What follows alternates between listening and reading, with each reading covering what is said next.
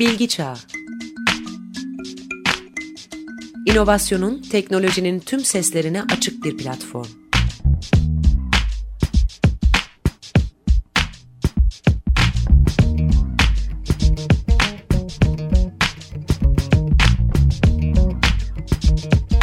Hazırlayan ve sunanlar Cem Tecimen ve Ersu Ablak.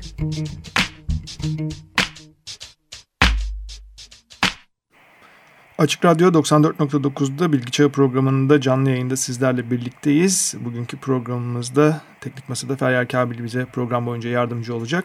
Ve bir telefon bağlantımız var. E, yurt dışından sevgili Ali Rıza Baba olan bizimle birlikte. Merhabalar. Merhaba Can Bey. Nasılsınız? İyiyim, teşekkürler. Sizler de iyisiniz umarım. İyiyiz. E, Açık Radyo'nun, Bilgi Çağı'nın ve sizin de e, Twitter hesaplarınızdan konuyu duyurmaya çalıştık. Bugün e, Gezi Park olaylarının bir değerlendirmesini yapacağız. E, özellikle teknoloji kullanımı anlamında bir değerlendirmesini yapacağız. Çünkü teknolojinin burada e, oynadığı rol gerçekten e, hükümetler için zaten başbakanın da söylediği bir baş belası olarak görülen bir e, ortamda burada neler oldu? Yani Twitter'da neler oldu? Sosyal medyada neler oldu? Ve bu tanımlar ortaya çıktı. E, bu değerlendirmeleri de birlikte konuşalım istiyoruz sizinle. Evet, e, bunları paylaşıyor olacağım ben de elinden yardımcı. Evet isterseniz e, siz bir rapor hazırladınız. E, nasıl nasıl başlayalım? Yani rapordan mı başlamak ister misiniz yoksa evet. genel olarak e, bir değerlendirme mi yapmak istersiniz önden? E, evet aslında şeyden başlayabiliriz. Yani ben e, yaklaşık bir yıldır yurt dışında yaşayan bir Türk olarak hani olayları buradan nasıl gözlemlediğimi, bunun yurt dışındaki Türkler arasında ya da yurt dışındaki yabancılar arasındaki yansımasına çünkü hep böyle olayların içinde olduğumuz zaman bazı şeyleri kaçırabiliyoruz. Hani bunun dışarıdan görünümü nedir? Bunu biraz da bahsetmek isterim açıkçası. Tamam. Ee, ben aslında hani gezi olaylarının genel olarak bakıldığında haklı olarak başlayan bir eylem olarak görüyorum. Yani insanların e, farklı e, şekillerde e, gördüğü eksiklikleri dile getirme ihtiyacından başlayan bir yapıydı. E, buradaki en büyük eksiklik bunu kendi blogumdaki yazılarında da belirttiğim gibi Türkiye'de yurt dışının aksine e, bir medya sansürü var. Yani e, evet. birçok konuda bunu konuşuyoruz, tartışıyoruz. Birçok kanalda bu süreçte bunları böyle şeyler yaptıklarını kabul ettiler ve e, siz de takip etmişsinizdir eminim. E, dinleyicilerinden, izleyicilerinden özür dilediler bu süreçte. Evet. E, böyle olunca yani insanların e, ben burada şöyle bir sorun olduğunu düşünmüyorum. İnsanlar genelde e, gördükleri eksiklikleri dile getirebiliyorlar Türkiye'de sadece bunların yeterince duyurulmadığını ve yeterince doğru kişilere ulaşmadığını düşünüyorlar. Bunu çünkü televizyonlar, medya yeterince göstermediği için. Ve bu noktada işin içine sosyal medya giriyor. Sosyal medyada öyle bir yapı ki yani e, eğer televizyonlar ve normal gündelik medya medya görevini yapmadığı zaman yani eğer medya görevini yerine getirmezse sosyal medya devreye girdiği aşamada artık herkes her şeyi söyleyebiliyor. Evet. Yani burada bir haberci olmanıza, burada bir e, habercilik background'unuzun olmasına, herhangi bir olayı analiz etmenize vesaire gerek yok. Aklınıza gelen herhangi bir şey yazabiliyorsunuz ve bunun da ucu çok farklı noktalara gidebiliyor hani sağlıklı bir medya sistemi olmadığı için sosyal medya burada aslında sağlıklı bir yapıymış gibi görünmekle birlikte aslında çok sağlıklı bir yapıda değil. Bunu e, Evet e, ben de aslında sizinle paralel düşünüyorum. Bunu e, geçtiğimiz günlerde yine Bilgi Çağ'da yazdım. Blogumda da e, belirtmiştim 3 Haziran'da. E, orada benim de altın çizdiğim şey şuydu. Aslında bir kere şu açık yani sosyal medyaya ne kadar ihtiyacımız olduğunu e, bu süreçte gördük. Fakat başka bir şey daha gördük. Hakikaten e, bağımsız medyaya ne kadar ihtiyacı olduğunu bu ülkenin gördük. Çünkü e, bağımsız medya olmadığı zaman ortada e,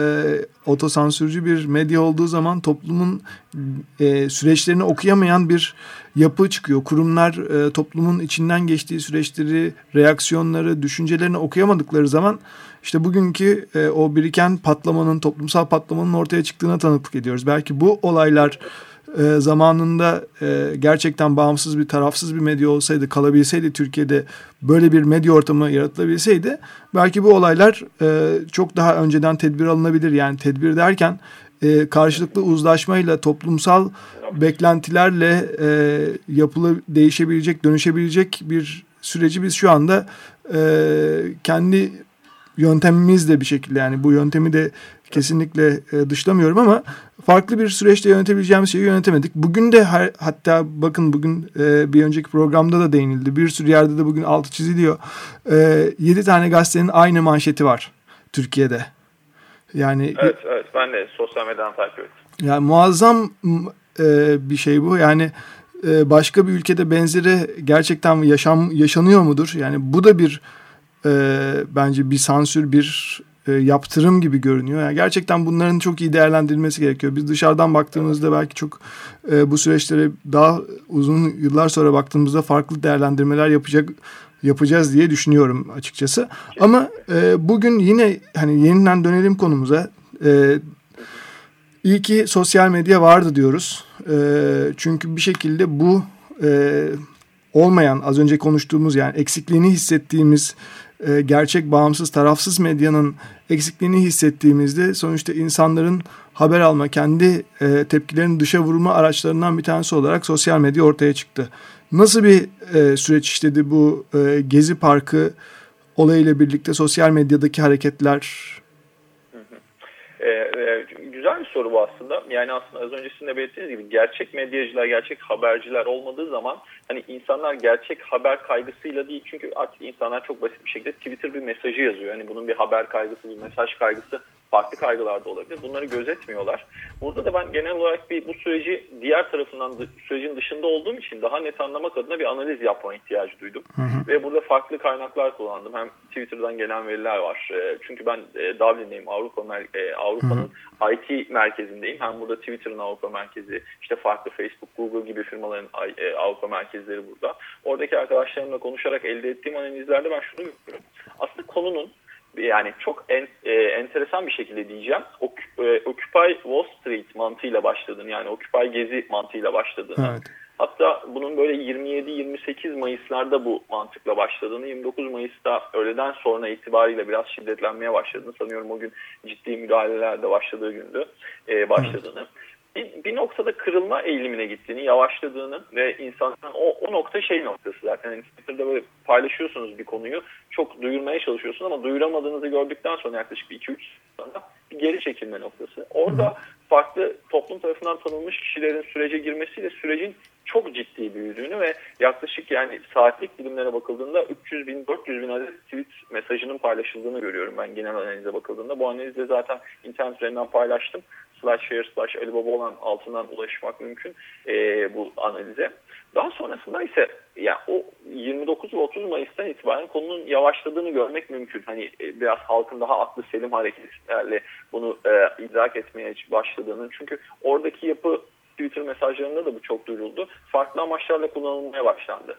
Yani bunu işte haberlerden de takip ediyoruz. İşte provokatif amaçlı farklı kişiler sürece dahil oldu. Bunlarla ilgili farklı e, mesajlar paylaşılmaya başlandı. Yalan fotoğraflar, yalan tasarımlar, yalan e, evet. videolar vesaire ortaya çıkmaya başladı. Ve bunların bu süreçte de işte sadece şu anki hükümet partisinin değil aklı selim kişilerin de e, karşı görüşleriyle birlikte süreç biraz dengelenmeye başladı ama ilk bir iki günde bahsettiğiniz gibi bir kontrol bir o yani kontrol derken bu sistemin kontrolü değil ama bir o, sosyal medyanın bir otokontrolü olmadığı için çığ gibi büyüyen bir yapı vardı ve onun çok ciddi bir etkisi olduğunu düşünüyorum ben. Bakıldığında da yaklaşık bu süreçte 10 milyondan fazla tweet atıldı tüm dünyada. Yani ben analiz ettiğimde bunu gör, görüyorum. Ve bu 10 milyondan fazla atılan tweetin Twitter mesajının Türkiye dışındaki dağılımlarına baktığımız zaman da çok enteresan şeyler var aslında. Mesela Türkmenistan'ın ve Azerbaycan'ın burada çok aktif olduğunu görmek mümkün. Ee, diğer yurt dışından gelen mesajlarda. Farklı dillerin e, burada e, yer aldığını görmek mümkün. İşte Fransızcanın, Rusçanın, e, İngilizcenin yer aldığını görmek mümkün. Yani çok e, bir yaklaşık bir 5-6 günlük bir süreç içerisinde çok ciddi bir veri yoğunluğu yaşandı ve burada doğru bilgiyi bulmak artık bir imkansız hale gelmeye başladı gibi görüyorum. Peki e, sizin gördüğünüz dağılımda hani sonuçta Türkiye'de bir de şöyle bir e, her şeyde bir dış güç arama paranoyamız var ya bizim. E, burada evet. da bu olayların da aynı şekilde e, bir dış güç tarafından organize edildiği e, şeyi başladı yani bu şu anda Türkiye'nin gündeminde konuşulan konulardan da bir tanesi. Twitter için de Twitter için de aynı şey söyleniyor. Bu e, aktivitelerin en yoğun olduğu dönemde yüzdelik dilimlerde baktığınızda e, nasıl bir tablo görüyorsunuz? Yani gerçekten e, dış güçlerin bir e, müdahalesini görebiliyor musunuz? Sosyal evet. medyada. Ya benim analizlerim sonucu aslında bunlar benim tamamen kendi kişisel ha, evet, olsun. ama Twitter'da çok ciddi noktalara da ulaştı paylaşım anlamında. Çok şu an birçok yer bunu kaynak göstererek kullanıyor. Burada ben şunu görüyorum. Olayların dışarıdan başladığı gibi bir nokta yok. Olaylar Türkiye içerisinden bir halkın bir konuya tepkisi olarak başlıyor.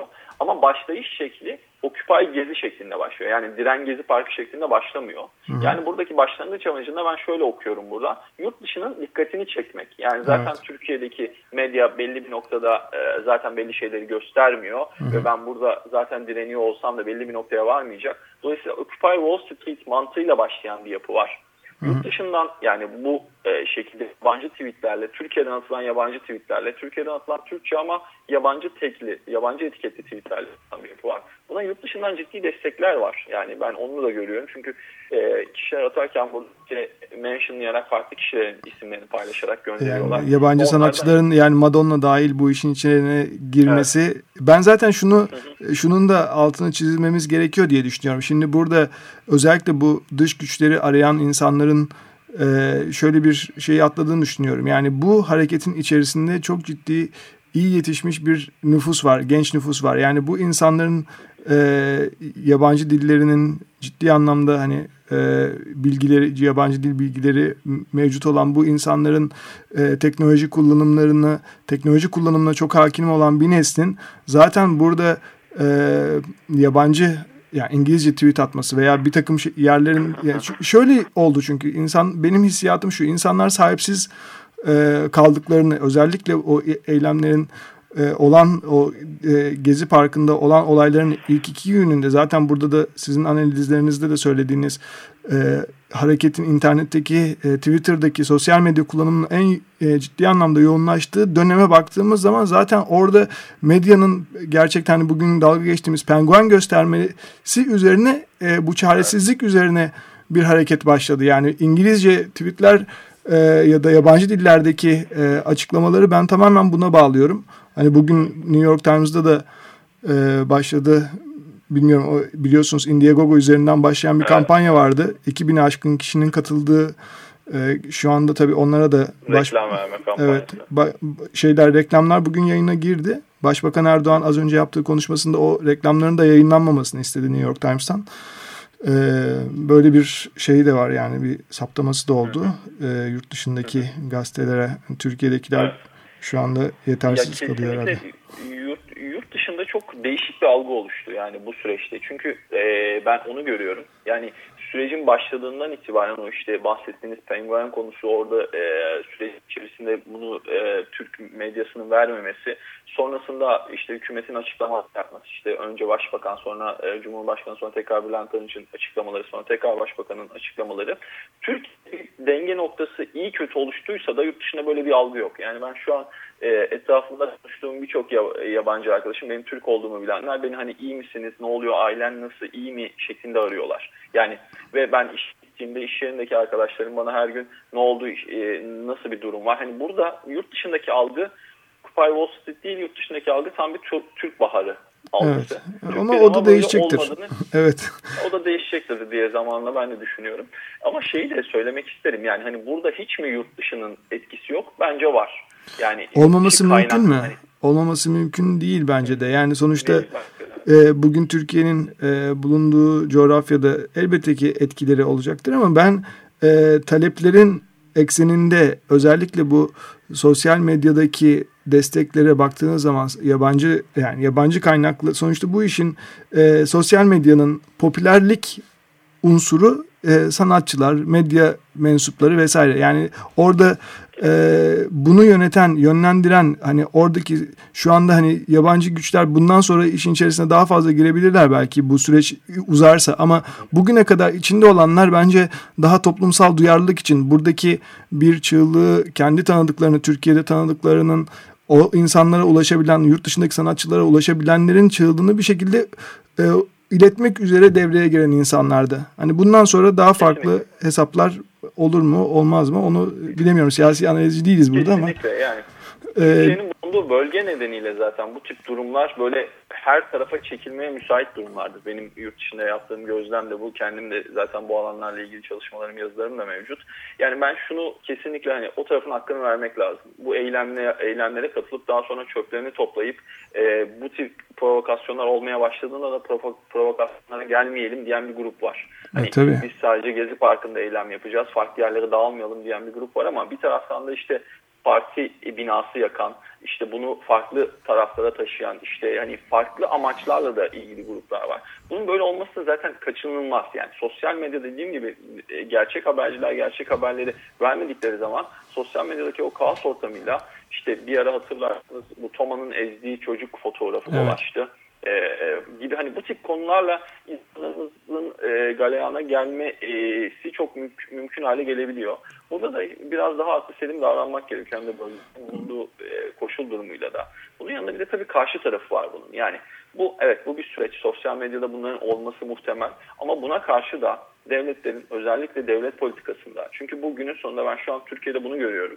E, bugün de bir yazı yazdım orada bahsettim. Yani bu olayların sonunda olan nokta şu Türkiye'de. Türkiye ciddi anlamda yurt dışında imaj kaybetti turizmini çok ciddi etkileyeceğini düşünüyorum ben bunun. Türkiye'de ciddi bir güven sorunu olduğu yani can güvenliği, mal güvenliği anlamında böyle bir ne, o, konu ortaya çıktı şu an arkadaşlarımdan. Birçok arkadaşım e, Türkiye'ye gitme planı vardı yazım işte çevremdekileri Türkiye'ye gidin güzel yerler gibi anlatırken şu an herkes yavaş yavaş iptal ettiğini duyuyorum. Hani günün sonunda bunun bir ekonomik tarafı da oluyor olacak.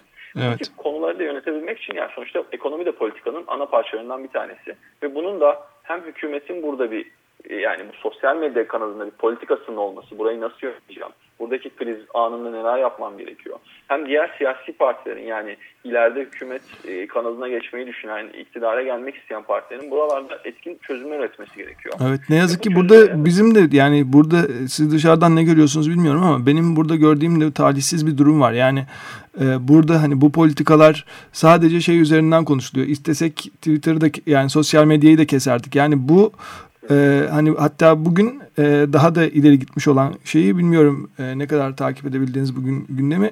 Şu anda bir birkaç sanatçının e, gönderdiği Twitter'dan Twitter mesajlarını anlayabildiğim kadarıyla e, işte sanal karakterlerle e, işte şu anda insanların Twitter hesaplarına işte üye olunup oradan bir takım işte hakaretler ve e, tehditler e, başladı. Yani şu anda ben bunları gördüm. Birkaç tane e, yani Okan Bayülgen paylaştı. Levent Üzümcü benzer bir e, tweet attı. Dolayısıyla hani bu tarz bir yöntem e, üretiliyor. Bu yöntemin de ne kadar sağlıksız olduğunu altını çizmemiz lazım herhalde. Kes, kesinlikle. Ya aslında şunu da söylemek lazım. Yani sosyal medya dediğimiz yapı yani sadece Twitter ve Facebook değil. Hani e, evet. e, buradaki bence de biz bunu istersek keseriz açıklaması talihsiz bir açıklamaydı. Hani e, kesmemeleri de bir ara ister e, hatırlarsınız öyle bir söylenti de yayınlandı. E, evet. işte yayıldı. Twitter ve Facebook kapatılıyor diye. Ben orada gerçekten evet. korktum eğer bunu da e, yani bunun olmaması gerektiğini düşünüyorum. Bu olmadı. Çok doğru bir karardı bu da. Devam etmesi gerekiyordu ama sadece olay Twitter ve Facebook değil. Olayın içinde sözlükler var, bloglar var. Hani Tumblr'ı, Instagram'ı katmıyorum. Hani sosyal medya dediğimiz bir yapı var. İnsanların bir şeyler paylaştığı. Bunun yanında kişilerin blogları var, yazılar yazdı. Tumblr var, buradan kişiler yazılar yazıyor. YouTube'dan videolar paylaşılıyor. Yani Instagram bu, yani bir olay... sürü e, bir de evet. biliyorsunuz Zello çıktı başımıza şimdi. E, herkesin evet, herkesin evet. örgütü Zello. Yani. Evet, e, Vine var sonra. Hani yani şunu demek istiyorum. Burada bu, bu dünyayı kesmeniz, durdurmanız, sansürlemeniz mümkün değil.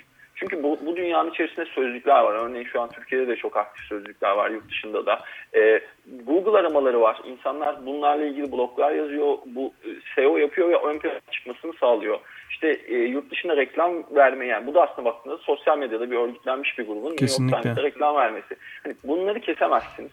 Dolayısıyla buradaki bu konuya girmemeniz gerekiyor. Yani keseriz, e, bunu kesebilirdik dememeniz gerekiyor. Çünkü bu şey bir durum değil yani bunun önünü alamazsınız. Burada yapılması gereken, burada nasıl bir dünya var bunu bir anlamak. Gerçekten hani hep e, bunu söylüyorum ben. Bunu bir anlamak, burada nasıl bir dünya olduğunu bilmek gerekiyor. Çünkü buradaki dünya içerisinde işte atıyorum Facebook'un modası geçiyor, başka bir şey başlıyor. Yani olay Facebook evet. değil sadece ya da Twitter değil. O yapıyı bir anlamak lazım.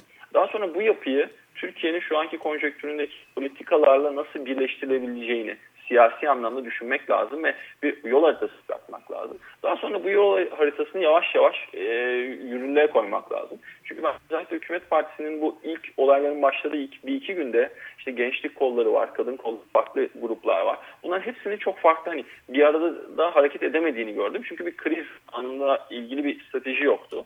Bu e, tabii kafa yorulması gereken bir konu. Yani ben şunu hep söylüyorum e, siyasi partilerin böyle bir böyle bir kolunun olması gerekiyor. Nasıl gençlik kolları vesaire var ise bunları da kapsayan sosyal medya üzerine bir çalışmaların olması gerekiyor. İşte maalesef Barack Obama bunu yapıyor. Evet. Yani bu evet. bu çalışmaların da doğru düzgün gerçekten burada evet. şimdi Türkiye'de siz de biliyorsunuz. Yani bugün elinizi sallasanız sosyal medya uzmanına değiyor. Yani Tabii. böyle Tabii. bir ortamda e, sosyal medya e, dediğimiz yani sonuçta bu bir medya. Bugün e, Türkiye'nin içinde bulunduğu medya ortamı ne kadar kötüyse şayet burada politikayı bu şekilde uygulayacaklarsa aynı benzer tablonun daha kötüsünü biz sosyal medyada yaşayacağız. Yani e, daha çirkinini belki de çünkü oradaki üslup ve şey daha sansürsüz ve daha akışkan olduğu için muhtemelen böyle bir şey olacak. Ben bundan da endişe duyuyorum. Yani bu politikaların nasıl üretilmesi gerektiği konusunda bir takım e, örnekler var ama e, bunlar herhalde bizim bizim e, doğamıza mı uymuyor acaba? Onu da anlamış değilim. Evet. ya aslında şunu söylemek isterim ben bu konuda. Çok doğru bir tespit bu. E, bu tip bazı örnekler var ama mesela hep işte Barack Obama örneği söylenir. Ben aslında ülkemizin örnek vereceğim. Cumhurbaşkanımız Abdullah Gül'ün örneği de bence çok doğru bir örnek. Yani çünkü Barack Obama'nın yaptıklarının ve yapmadıklarını yani burada önemli olan şey şu. Olayı anladıktan sonra bu sosyal medya döngüsünü ilk adım atacak cesaretli olmanız gerekiyor. Yani birisi yapsın sonra ben yaparım dediğiniz zaman kaybediyorsunuz ilk adım atacak cesarette hep o işlere ilk sizin giriyor olmanız gerekiyor bulunduğunuz bölgede, coğrafyada. Cumhurbaşkanımız bunu çok iyi şekilde yapıyor. Ekibi de çok iyi bu açıdan. Ama bizim artık kişisel başarı hikayelerinden ziyade bölgesel, şehirsel, ülkesel başarı hikayelerine ihtiyacımız var. Yani işte Obama, Cumhurbaşkanı Abdullah Gül değil de işte İstanbul şehrinin bir sosyal imajı örneğin ya da oradaki bir belediyenin sosyal imajı ya da Türkiye Cumhuriyeti'nin. Çünkü günün sonunda burada etkilenen Türkiye Cumhuriyeti'nin sosyal imajı oldu. İnternet üzerinden çok yayıldı bu. İşte bunun farklı noktalara etkisi var. Politikaları belirlerken biraz da ona bakmak gerekiyor. Yani artık kişisel başarı hikayeleri üretip nasıl X kişisi daha görünür olur değil de nasıl işte İstanbul daha görünür olur. Nasıl işte örneğin İstanbul'u turizm planı çıkartmak istiyorsak turizm alanında İstanbul'la ilgili bir çalışma sosyal medyada ee, Ankara'yı farklı bir tarafla, e, tarihle örneğin ortaya çıkartmak istiyorsak Ankara ile ilgili böyle bir çalışma gibi gibi şeyler yapılması gerekiyor diye düşünüyorum. Ve burada da tabii Türkiye'nin dinamiklerini göz önünde tutmak gerekiyor. Çünkü yurt dışından aldığınızı buraya uygulayamazsınız. Bir kültür farklılığı var.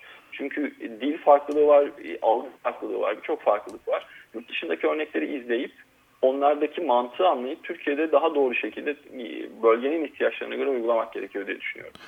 Evet peki e, yani bu konularda hemfikiriz. E, muhtemelen e, herkes aynı şeyi düşünüyor da uygulamak gerçekten çok kolay değil. Yani bunu görüyoruz. E, çünkü burada katıldım yani şeyi merak ediyorum. Türkiye'deki e, siz bu özellikle Twitter raporuna baktığınız zaman e, nasıl bir yani rakamsal olarak kaç e, ne kadar insanın bu olaylara dahil olduğunu gözlemleyebildiğiniz bu süreç dahilinde var mı böyle bir şeyiniz? Tabii var. Şöyle bir şey söyleyebilirim. Yani benim bu analizi yaptığım zaman 29 Mayıs'ta 3 Haziran dönemi arasıydı. Yani yaklaşık 4 günlük bir dönem arasıydı. Burada ki bahsettiğim 10 milyon rakamı yani 10 milyon adet Twitter mesajının paylaşıldığını e, gösteriyor bu rakam.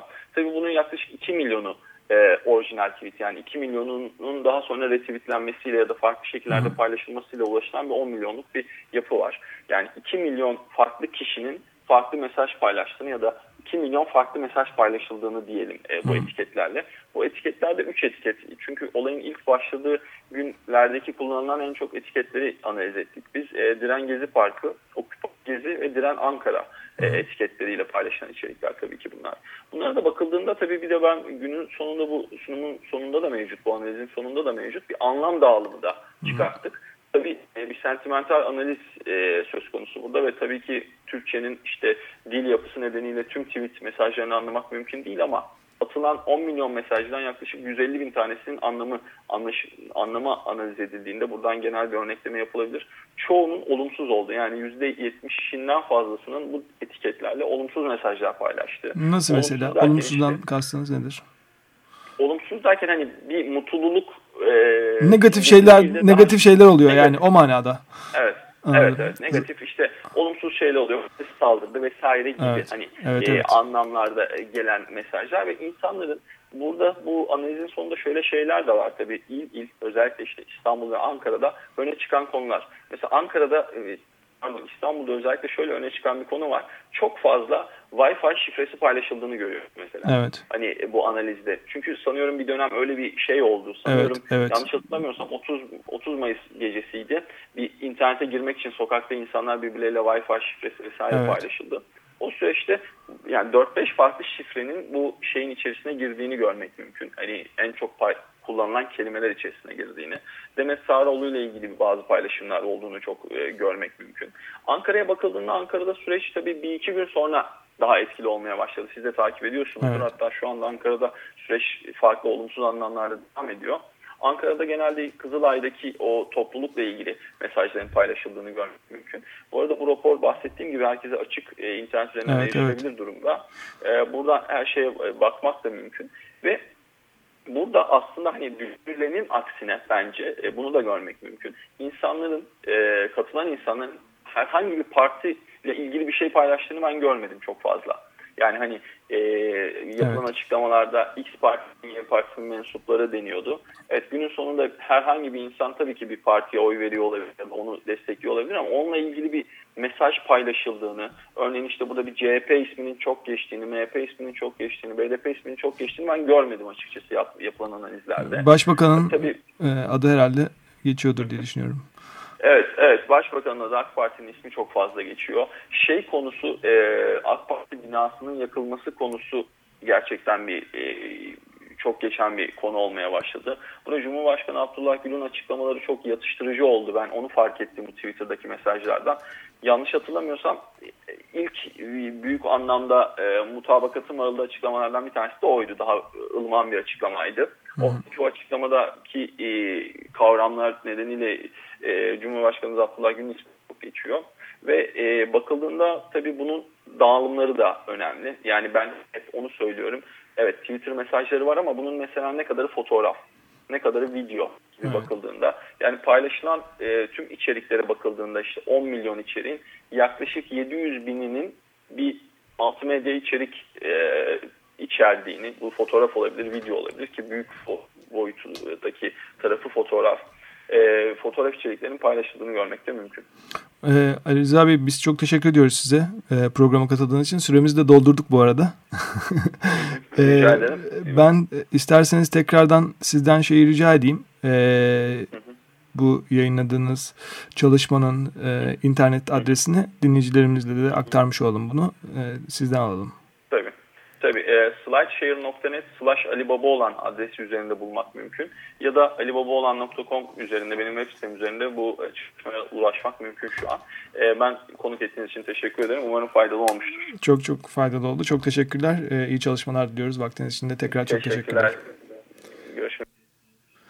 Açık Radyo 94.9'da Bilgi Çağı programının bu haftada sonuna geldik. Önümüzdeki hafta yine aynı saatlerde 16.30'da Açık Radyo'da görüşene dek hepinize hoşçakalın diyoruz. Ben Cem Tecimen ve Teknik Masa'da Feryal Kabil.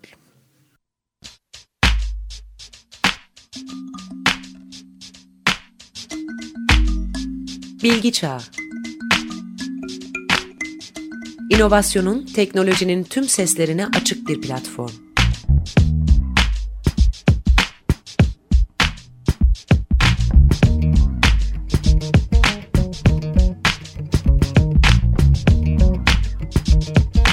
Hazırlayan ve sunanlar Cem Tecimen ve Ersu Ablak.